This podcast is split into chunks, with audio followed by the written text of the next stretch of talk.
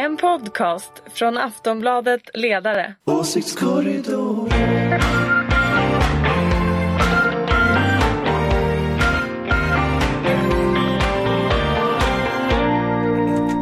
Ja, vi är ju inte alls redo, men vi börjar veckans Åsiktskorridoren. Aftonbladet Ledarsidas-podd. Anders Lindberg, välkommen. Tackar.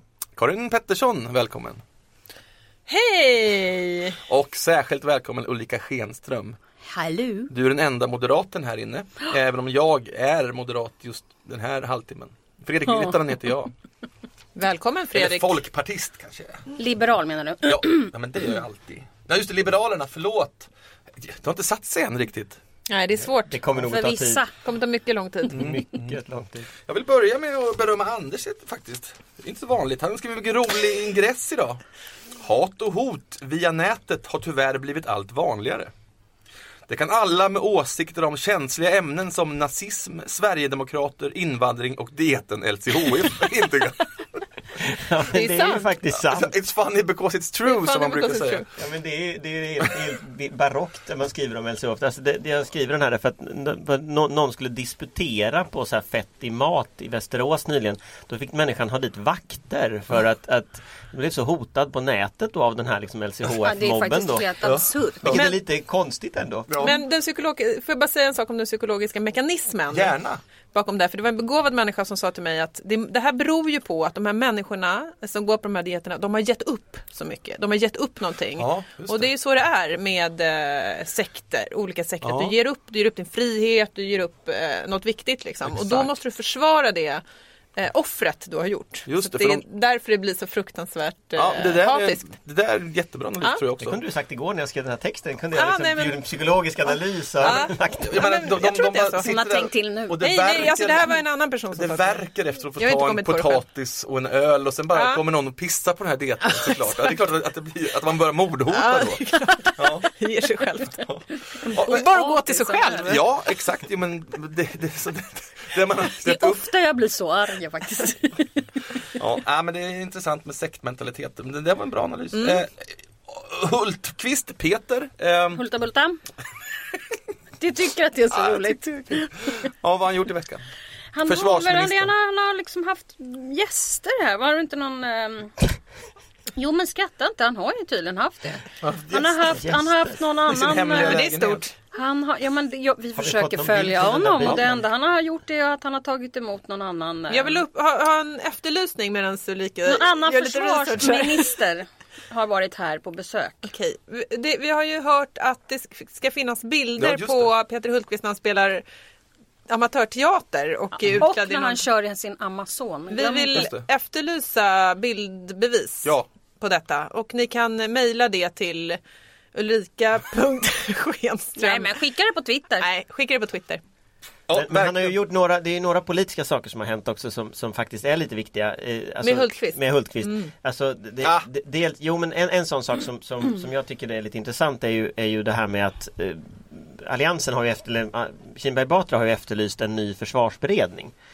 Eh, så att hon har ju liksom tagit tag i att liksom, eh, sätta Peter Hultqvist i centrum nu för svensk politik. Och jag kan tänka mig att Moderaterna tycker väl att liksom Ygeman har fått för mycket uppmärksamhet. Så nu vill man liksom ha tillbaka Hultqvist igen. Det är ju i sådana fall Hultqvist som skulle få liksom uppmärksamhet i den där grejen. Men Hultqvist är omtyckt. Han är vet inte om det är jätteomtyckt. Ja, nej, men jag, jag tror att det är en ganska bra idé av Moderaterna för då får liksom Socialdemokraterna två ministrar de lyfter fram här som liksom kan verkligen få mycket röster. Så det är bra. Spännande. Kan alltså Hulta Bulta bli en folkhemshjälte? Jag tror Ja, att han har tror han har potential, det potential. Det är väl därför vi... Det är männens tid nu. ja, det är männens verkligen. tid. Ja, det är faktiskt... Eh, Starke man. Männen som heter Anders man. sa Ja, folk att det var. Ja. det är helt sjukt det där. Men det har vi skrivit Är mycket ofta om. ekonomer och gillar att Vi att ska jaga. Eller lämna heter Ygeman. Hulta Bulta. Nej, jag säger det. Det får Jo. bara du säga. Ja, jag säger bara Hulta Bulta. Ulrika. Nej, nej, vi ska snacka om Panama Papers. Men vi börjar först med en liten rolig twist här. För, apropå banker. Så Anders Sundström fick ju avgå ur Swedbank. Istället kommer då Peter Norman. En gång moderat finansmarknadsminister var Han blir dock inte Ja, styrelseordförande. Man går går in i styrelsen. Just det, in i styrelsen. Och då berättade han på bankens stämma att man inte ska uppfatta honom som politiker. Eh, För det kanske är en belastning då för Sundström till exempel. Och då skrev han tror jag på Twitter, eller sa han, jag gick med i Moderaterna när jag blev minister och gick ut Moderaterna dagen när jag slutade som minister. Det är lite märkligt skrivet. Tyckte till exempel Carl Bildt som reagerade han blev rasande kan man nästan säga. Rasande. Rasande. Minst sagt egenartat uttalande av Peter Norman på Swedbanks stämma. Inger sådant förtroende? Frågetecken, twittrade Bildt. Men det får ju stå för honom. Han kanske kände... och- För Bildt eller för Norman? Ja? Nej, för båda två. Men, men framförallt så får, ja, Peter känner väl så, annars så skulle han väl inte ha sagt så. Jag menar, han har väl aldrig varit engagerad i Moderaterna innan. Så att, Jag tycker att det är ytterst märkligt att man går in som eh, en av de viktigaste, tyngsta politiska tjänstemännen i en regering och jobbar för en regering om man inte liksom har någon politisk övertygelse överhuvudtaget. men det lär han ju ha, men det betyder inte att man behöver vara Jag tycker medlem det är ganska konstigt att man blir moderat överhuvudtaget. Ja, det Det är väl, jag, men, men den signalen han skickar är ju att han inte är moderat och att han inte har någon politi- politisk övertygelse. Det är precis det han signalerar. Fast, Förlåt, han signalerar, men han säger ju rakt ut att han, att han inte med, att han, Att han inte gillar jag har Moderaterna. inte att frågat, han inte bryr jag har i sig alla om fall, Moderaterna. Jag har i alla fall inte frågat Peter vad han menade, men det ska jag jag, göra delar vid tillfälle. Bildts analys. Ja, Du kan hälsa Peter från Egenartat. oss att vi tycker det är konstigt. Vi kanske Vi håller med Bildt. in honom. ja, ja okej men Opportunistiskt, finns det, fler, finns det fler politiker som inte är politiker undrar man ju. Hultqvist är ju gediget socialdemokrat, det tror jag vi kan slå fast. Fast man brukar väl säga att Men- både Moderaterna och ihåg att- Socialdemokraterna har dratt åt sig, i och med att det är maktpartier, har dratt åt sig en massa människor Ja, och sen får över tid komma- som kanske inte riktigt delar värderingarna. Anders Borg liksom. var ju faktiskt också under många gånger Fast under han var många... ganska politisk. Superpolitiskt, men kom ihåg vad vi har bråkat om i den här podden eller kanske larvat oss lite kring. Det är ju faktiskt att Anders många gånger sa sådana saker som att jag är tjänsteman och inte politiker. Jo men det var ju bara ett spel. Ja men det vet vi inte. Jag menar han kanske känner så. Jag vet inte, jag säger inte att det är rätt. Jag försöker bara... Mm. Ja, Det är den Psykologisera. postmoderna tolkningen att de känner liksom kanske är, Allt är lika ingen- bra, inget spelar någon roll, värderingen spelar ingen roll, allt är samma. Nej men jag menar, det är ju skillnad med att vara den typen av förtroendevald som står på listor och den som typ eh, Anders har varit, du själv och jag. Absolut, nej, men jag så kan det för- kan vara den som de kanske Jo men jag kan på- förstå att man blir rekryterad och att man eh, kliver in i en karriär som man inte har tänkt sig. Men markeringen är ju Mm. inte det. Markeringen är jag gick ur partiet samma dag jag lämnade regeringen. Ja, nej, det är ju det, lite som är det konstiga. men, ja. Och nu, är han osam, nu har han fått en fiende i Carl Bildt bara för det. Men Anders Borg var inte det att han ville ha den här folkliga Gunnar Sträng eh, by- tjänstemanna-imagen, det därför han sa sådana saker. ja, kanske. Och det lyckades ju. Gunnar Sträng kanske inte stack under stol med att han var Nej, socialdemokrat. nej men då var ju, då, då var ju sam, samhället samma sak som socialdemokratin på den tiden så det var inget konstigt. Fast nu blandar vi ihop äpplen och päron som den en, jag, Vad jag försökte säga var ju att man kanske ibland inte känner sig som politiker om man är tjänsteman. Så kan man ju vara en socialdemokratisk tjänsteman eller en moderat tjänsteman. Det var ju det. Ja, och nu Och jag det- vet inte vad Peter egentligen menar med det här. Det kanske var det han försökte med eller också var han bara jävligt Sen opportunistisk. tror jag det är ganska vanligt bland borgerliga politiker att de tycker att de står över politiken. Ja, men det tror jag är man, sant. Man, det finns en sån grund, grundinställning Nej, men att man, man står liksom för är. Nej, men att man Rationalitet. står för rationalitet och förnuft och att liksom eh, Ja. vänstern Det tycker är jag- subjektiv det och så. så jag det är är- en ganska det vanlig det liksom, nog- föreställning. Det gäller nog ganska många socialdemokrater Nej, det tror jag också. inte. Sossar sjunger Internationalen och är väldigt ideologiska medan jag tror att det bland borgerligheten är ganska vanligt faktiskt att man, man, man är liksom the voice of reason och så speciellt folkpartister så här som man står mittemellan och alla har lite rätt och alla är lite kloka och sådär. Ja, du har faktiskt rätt i det. Sossarna sjöng i Internationalen, det har du rätt i. Så därför mm, föll blir så min mycket De hade även röda fla- flaggor för. Flaggor. Första maj kommer snart, det ska vi tala om då. Ja, nu är vi alltså inne på bank, eh, Panama Papers eh, och det är ju Uppdrag granskning bland annat som är den svenska grenen. Men det här är ju ett internationellt nätverk av murvlar som avslöjat. Och Svenska Storbanken, en gång alldeles nyligen ägd av staten och har lånat ut miljardbelopp eh, via upplägg i skatteparadis, alltså dels till personer men även eh, till ett stort kontorskomplex i, Mos- komplex i Moskva. Eh, eh, alltså som har då hjälpt, lånat pengar till oligarker i Kazakstan. Ja. Ja, Ja, Vad ska man säga? ja, bra eller dåligt? Ja, är det bra exakt. eller dåligt? Ja, men jag tänker att om man har kunder på toppnivå måste man väl hjälpa dem så gott man kan. Nu pratar jag som moderat programledare här. Jaha, helt plötsligt som där Jag är säker på att gammelmoderat. Moderaterna Det är var för det heller faktiskt. Men hur ska jag annars vara moderat om ett... Men lägg av. Nej men förlåt! Men, men, men alltså det, hela historien är ju helt vedervärdig. Alltså, de här människorna håller undan liksom tusentals miljarder i, i skatt liksom över, över alla år här. Och det är klart att, att det här urgröper ju liksom hela den civiliserade världen, så är det ju. Och dessutom så visar det sig att de- de människor som gör detta, det är, nu var det Cameron som åkte dit på detta, så att det är ju uppenbarligen människor som, som har oerhört höga förtroendeuppdrag också i våra samhällen. De, de, de som har åkt mest illa ut här det är ju så här moderata statssekreteraren, eh, eller vet du det, kabinettssekreteraren Frank Belfrag som ju åkte på det här. Men, men jag menar, Och igår Anders Wall. och Anders Wall, men om man exakt. tittar på liksom om man tittar på, på, på själva fenomenet så är det här ju liksom Det här borde ju alla fördöma väldigt tydligt tycker jag. Och det gör väl alla också. Ja, alltså jag kan väl känna Alla att liksom utom Fredrik borgerliga- Virtanen. Ja, alltså borgerliga opinionsbildare har väl varit- hållit ganska låg profil och liksom Det har väl varit lite så här Nej, Å ena jag. sidan och å andra sidan Försök inte göra det här till någonting som är så Ja, allvarligt att det, det det finns väldigt, väldigt många som är väldigt, väldigt upprörda. Ja, men det tror jag också. Och Men sen är det, Det är väldigt som svårt. är Jag tror dessutom, men- men jag och tror sen att det dessutom tror jag en- det är väldigt svårt för någon, ja, jag vet ju inte, ni kanske har enorma förmögenheter men det har inte jag. Eh, och jag har aldrig varit i den situationen att jag ens någon bank skulle vilja prata med mig om jag ska. Jag tycker att det är besvär- ens, jag kan inte ens sätta mig in i situationen. Nej, Det är, två olika, det är två lite olika spår. Det ena är det här Panama Papers men och sen är det det här gamla avslöjandet om Frank Belfrag då att han har smitit från skatten och haft pengar i skatteparadisen, tagit hem pengarna och då gjort avslöjade självrättelser. Ja, gjort självrättelser. Då berättade ju, ehm, eller avslöjade Uppdrag granskning i veckan att han har då, hans gamla polare, eh, statssekreterarna, borgerliga statssekreterarna som nu är ledningen för Skatteverket har varnat honom. Eller tipsat honom om att detta är igång, eh, är på gång. Och det jag kan tycka Försök också... tipsa, de fick inte fatta. Nej, de fick inte ta, men de har ringt honom i alla fall. Och jag måste säga att jag blir också extremt upprörd över Carl Bildt som går ut och då försvarar det här beteendet. Och det är också hans gamla medarbetare. Så det är på nå- någonstans som att vänskapskorruptionen och vänskapsbanden går alltid liksom före, inte alltid men i de här fallen liksom före principerna. Att man kan inte, inte ens liksom politiker på den nivån kan ställa sig utanför och säga det här är för jävligt. Eh, här borde liksom eh, ja, samma principer och rättigheter gälla för alla utan då låter man kompisrelationerna styra. Det tycker jag är dåligt. Men Extremt det här var den ena upprörande. delen och sen så var den andra delen Nordea. Det är så Absolut. du menar. Ja, Mm. precis. Ja men vi vi kan ju stanna kvar vid det häpnadsväckande enligt mig då att de ringer Frank Belfrag, den- biträdande, eller den näst högsta chefen, Dyschen va, heter hon? Överdirektör, Eh, på överdirektör. Skatteverket. Och- och- Helena Dysch. Ja, Helena Dyschen. Som då har jobbat tillsammans med Belfrag, var det på UD?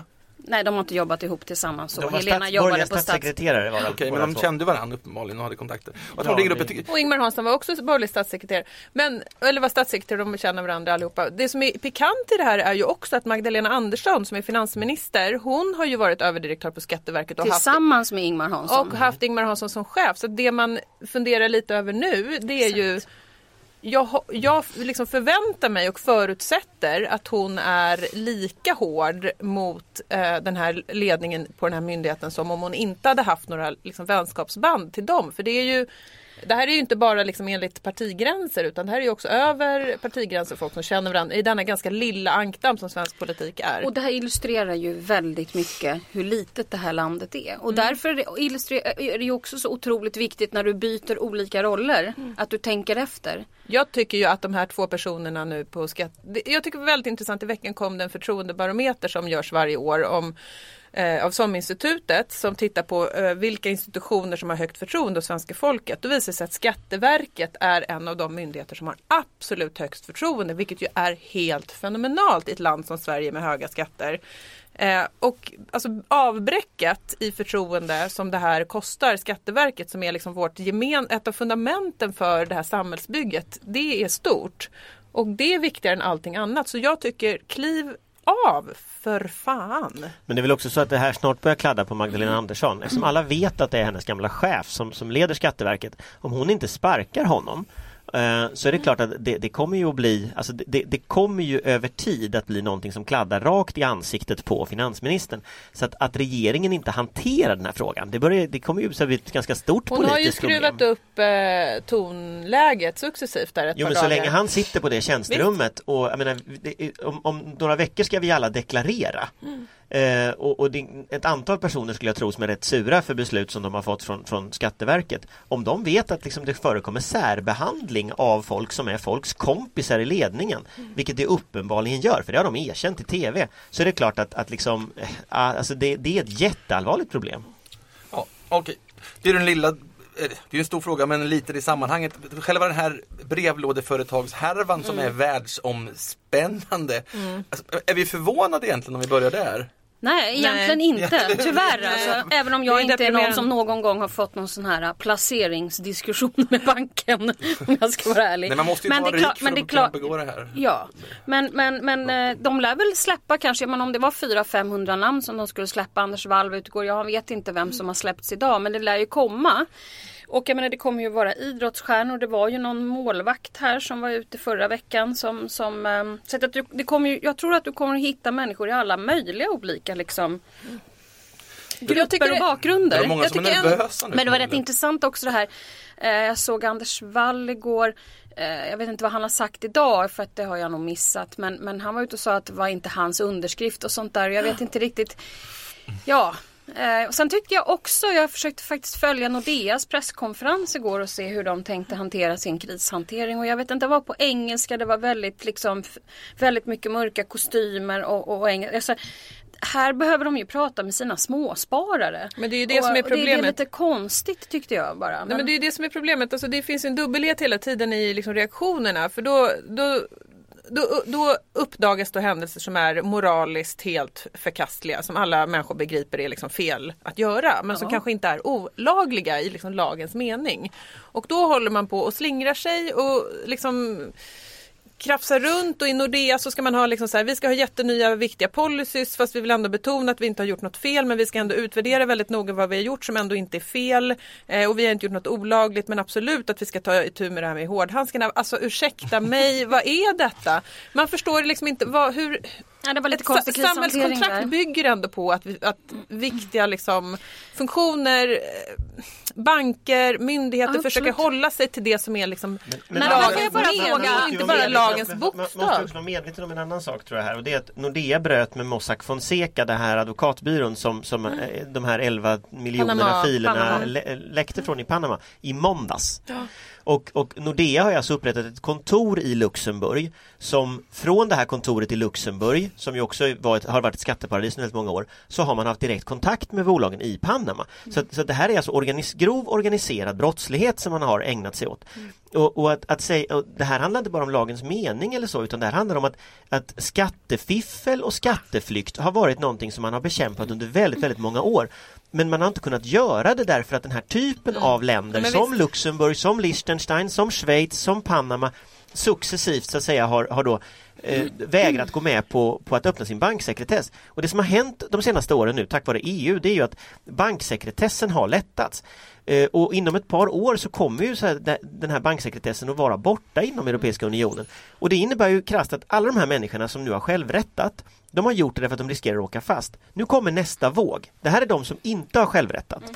Eh, som, riskerar, som riskerar att åka fast. Och det som de här Yes. experterna säger nu det är att det här är toppen av ett isberg. Men får jag bara, är får jag bara fråga exempel. Fredrik en sak som är gammal murvel. Hur tror du att de lägger upp det här? För att jag menar, de har ju läckt saker en i taget liksom så.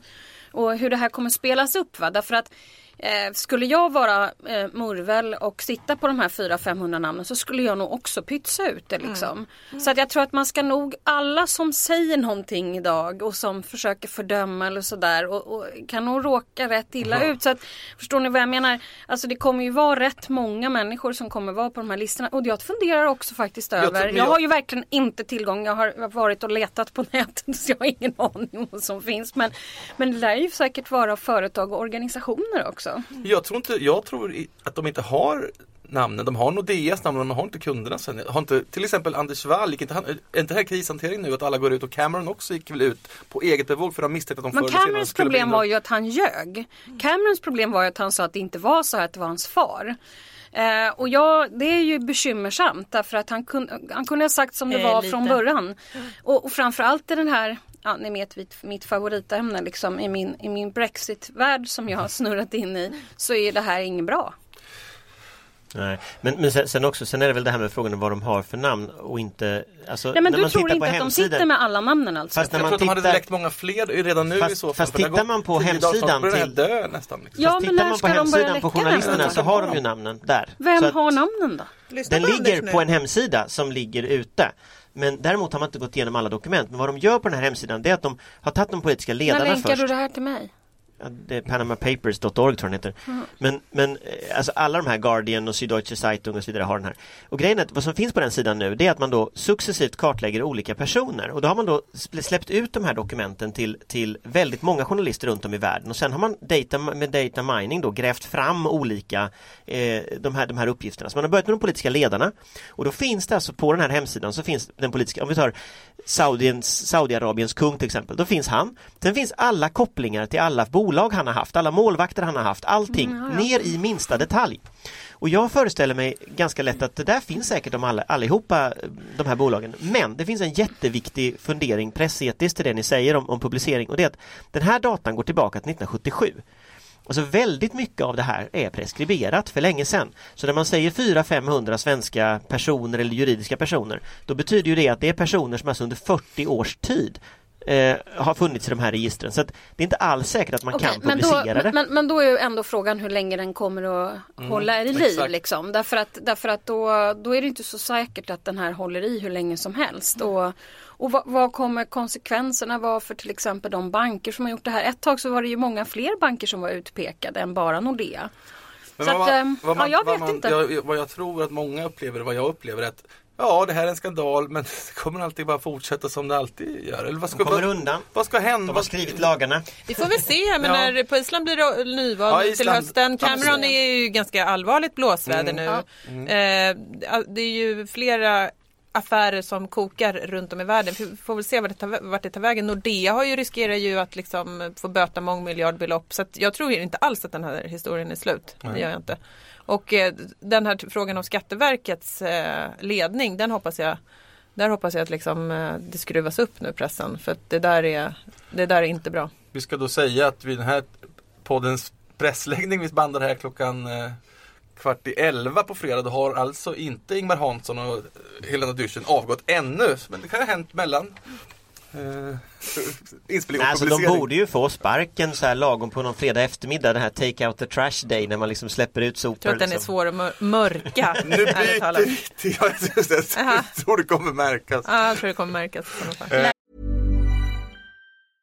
Hey, I'm Ryan Reynolds. Recently, I asked Mint Mobile's legal team if big wireless companies are allowed to raise prices due to inflation. They said yes. And then when I asked if raising prices technically violates those onerous two year contracts, they said, What the f are you talking about, you insane Hollywood ass? F- So to recap, we're cutting the price of Mint Unlimited from $30 a month to just $15 a month. Give it a try at mintmobile.com slash switch. $45 upfront for three months plus taxes and fees. Promo rate for new customers for limited time. Unlimited more than 40 gigabytes per month. Slows. Full terms at mintmobile.com.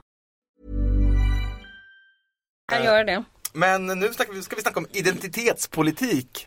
Vilken, vilket, vilket, vilken swish liksom. Ja, och detta ord som har varit i svang så länge som jag tror att Kan inte du förklara vad det är Fredrik? Ingen tror jag vet vad det betyder. Det det har ju betytt en sak en gång i tiden. Nu har det liksom förändrats. Men vad som hände i veckan var ju att Aida Hadzia, Hadzialik, eh, socialdemokratisk eh, minister, gymnasieminister, eh, röt ifrån mot identitetspolitik. Hon menar att debatt och ledarsidor idag är fyllda med analyser som grundar sig i människornas eti- människors etniska bakgrund eller olika nyanser av vithet. Ehm, alltså, det, där är grunden till identiteten då. Och istället tycker då ministern att vi borde snacka mer om klass.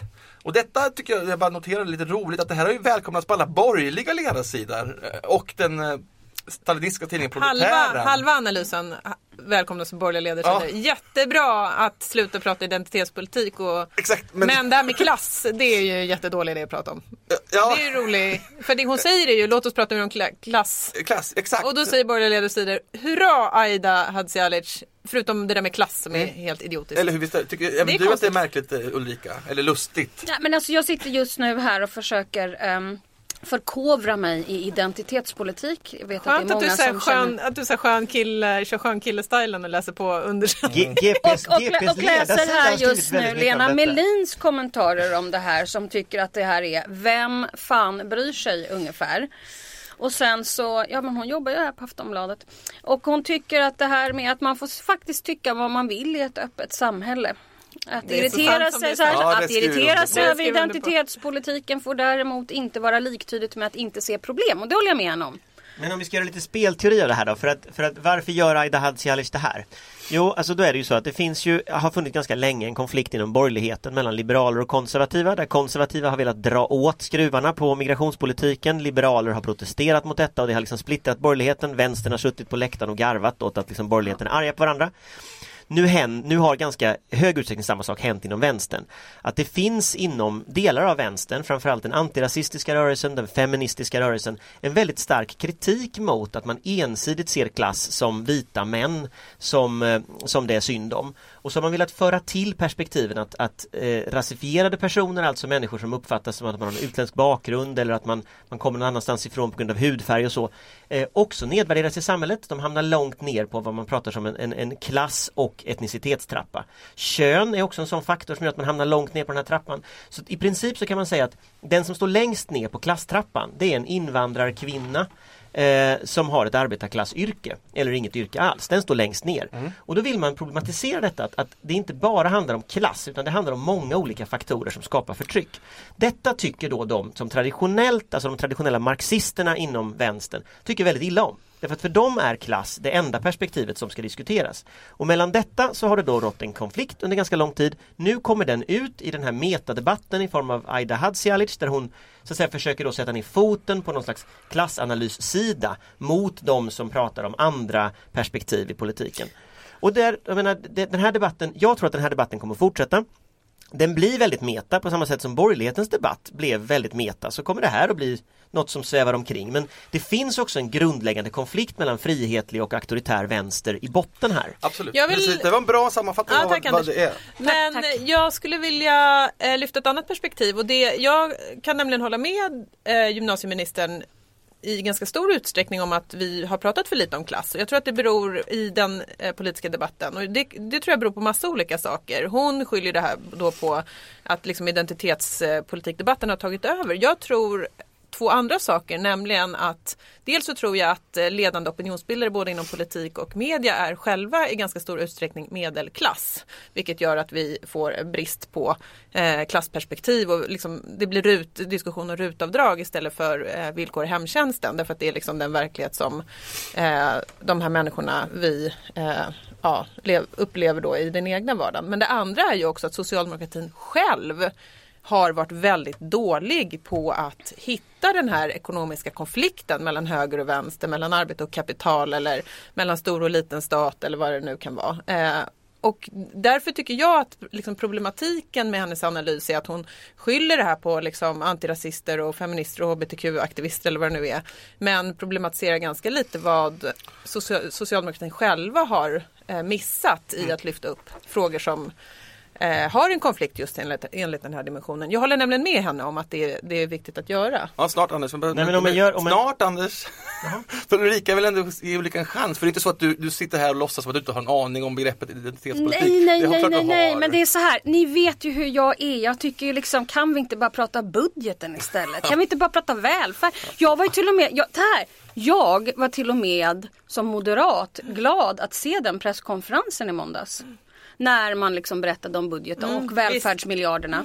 Så jag vill bara chocka er att jag var bra. nöjd. 10 miljarder till välfärd. Ja. Jag har gjort om min analys. Jag tror till och med att sossarna är på gång. Ja, Du ja sitter, det här, du sitter och hyllar ett vänsterpartistiskt förslag helt enkelt. Vad, vad är det som händer med Men jag har ju världen? gapat om det i den här podden i åratal. Om att vi måste ha pengar till välfärden. Bra, bra klassanalys. Ja, Så Ulrika. Så du är ju då kan man säga i, i, i, i den yt, yttervänster. Någon, någon håller på. Ja, jag, jag är ju verkligen den. För det kan man säga. Men jag måste väl ändå få säga när, när min motståndare äntligen För- gör det för- för- för- det kan man då säga att Aida, gymnasieminister, alltså hon är då vänster, nästan på Vänsterpartiets Nej, linje. absolut inte. Eh, nej, det är hon absolut inte. Utan det här är en annan skala. Alltså grejen är att, att, att nu, du har en vänster-höger-skala å ena sidan Ja. men du har en auktoritär frihetlig skala å andra sidan. Vad hon gör det är att hon stärker det som vi har pratat om som pappapartiet Socialdemokraterna. Alltså det partiet som står för ordning och reda och, och eh, man ställer krav är att bry sig, Yes. plikt och sånt. jag tror att det här är en vinnande strategi. Så jag tror att Socialdemokraterna har tänkt klokt när man tänker att å ena sidan så ska det ställa krav och bry sig, alltså gammal, ganska hårdhänt, eh, alltså gör din plikt, kläv din rätt retorik. Men å andra sidan satsa på det traditionella, alltså välfärden. 10 miljarder mer till, till välfärden. Så det, det, det, är en mera traditionell socialdemokrati. Det är liksom ett mera hårdhänt socialdemokrati. Jag tror det lirar med tidsandan. Och framförallt så är det däremot, i alla fall någon som gör någonting ja, men vad jag, plötsligt. Och det är någon slags idédebatt. Men vad jag, vad jag däremot tror det är att, precis som det Karin säger, eh, Alltså Göran Hägglund försökte göra det här med sitt, sitt verklighetens folk. Att liksom markera på något sätt att han stod för de här sakerna. Men han levererar ju ingen riktig politik. Så, att, så att det blev ju bara samma kristdemokrati ha, som hade förut. Hade han gått ett varv till och faktiskt levererat någonting så hade han kunnat göra ja, någonting det där. tror jag också det är jag helt göra. övertygad Men om nu Socialdemokraterna ska leva upp till den här retoriken då bygger det på inte bara 10 miljarder till välfärden utan det bygger på att man hittar ett skattesystem som är mer rättvist. Att man kanske tar ut svängarna mot de här Panama Papers människorna nu lite grann.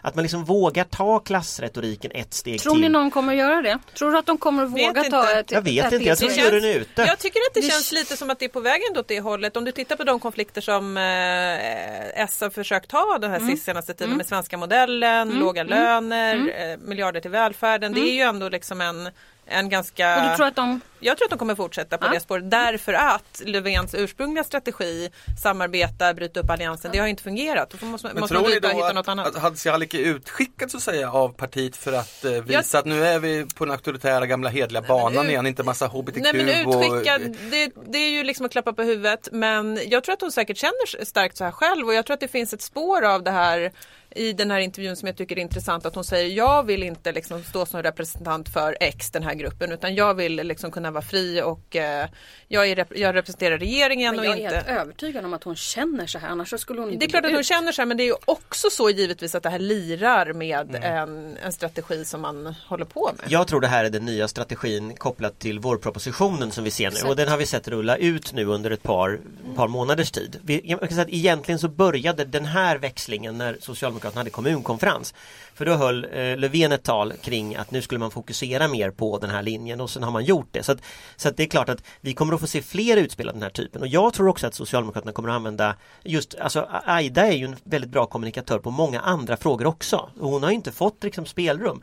Och lite tror jag det är så att Alltså Anders Ygeman som har varit en, en, person i det fördolda under rätt lång tid. Han seglar upp nu som en stor person. Det är inte alls otänkbart att Aida också är en person som kommer att göra det. Vi minns ju alla liksom förra veckans ledare, äh... Anders ledare. Med liksom Nej men alltså det är doldisarna på något sätt som kommer in nu i politiken och jag tror att det kan vara ganska klokt. Ja men det här är ju hela den världsomspännande auktoritärtrenden Ja, men Socialdemokraterna ja, är, är ganska auktoritär av varit... tradition. Det är liksom inget nytt. Men samtidigt kan vi väl då säga att vi, vi får väl hoppas att vi inte kommer glömma bort eh, rasifierade hbtq-personer och andra identiteter. Nej, det var den Nej, invändningen det det jag ville komma med förut. Ja, får jag bara säga det att jag, jag jag tror vi tycker samma sak här så du kan lika gärna jag säga det eftersom du har pratat så mycket Anders.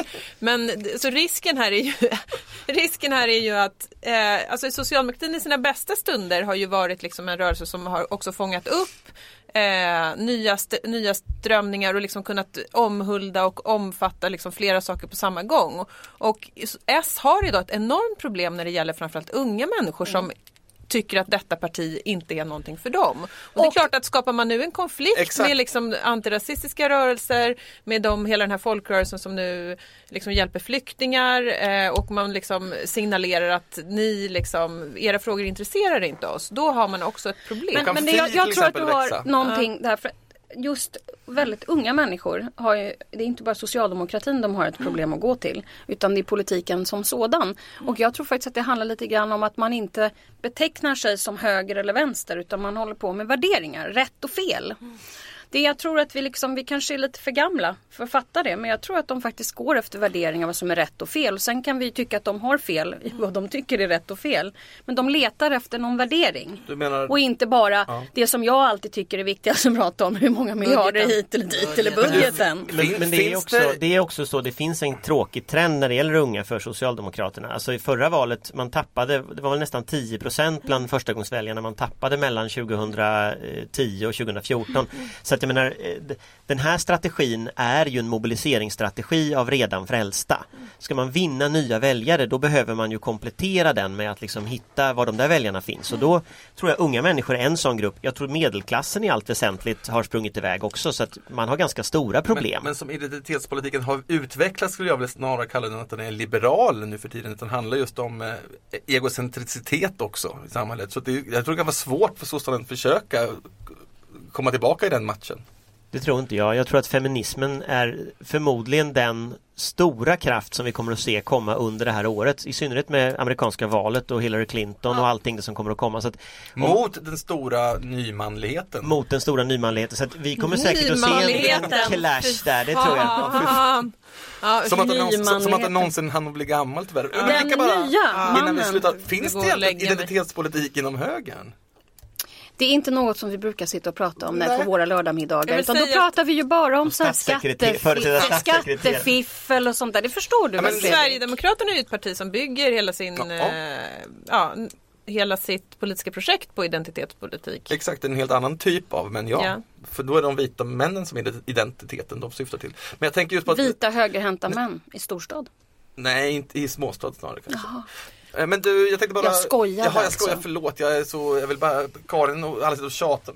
Nej, titta- på klockan. Skoja inte! Nej men, jag, ja, men jag tänker då ändå för att jag menar Men nu orkar inte folk lyssna längre. Jo, eh, Anders Borg och ni i Nya Moderaterna, ni tog ju bort pärlhalsbanden och så vidare. Det var också en, Nu är en, du en- där igen. Ja, Du ska ju... Nej, Alltså hur många gånger ska jag behöva förklara det här med pärlhalsband? Men Du, om du känner att du vill ha på dig tio stycken. Ja men det var ju det, jag vill bara, Ja, men- jag, det hänger, jag hackar inte, jag lovar jag hackar nej, inte. men, men det, det är ett helt program. Vi, vi kan ta hela den biten. I ett helt program så ska jag förklara det här. För det var ingen av oss som höll på med att tjafsa om pärlhalsband. Det Jag var vill- någon Jag ville annan bara ha senare. sagt att identitetspolitik är inte så konstigt som det kanske kan låta. Det är väldigt mycket politik är ju just, handlar ju om detta med identiteter. Ja, även om jag tycker det är viktigt med budgeten.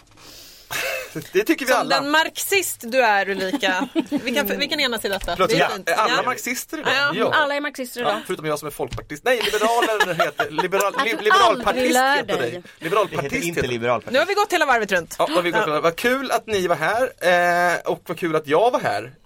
Ulrika Schenström, Karin Pettersson, Anders Lindberg. Anders Trevlig helg. Lindberg jag Ygeman. heter Fredrik Virtanen. Ha en trevlig helg allihopa. Trevlig helg! Hej då.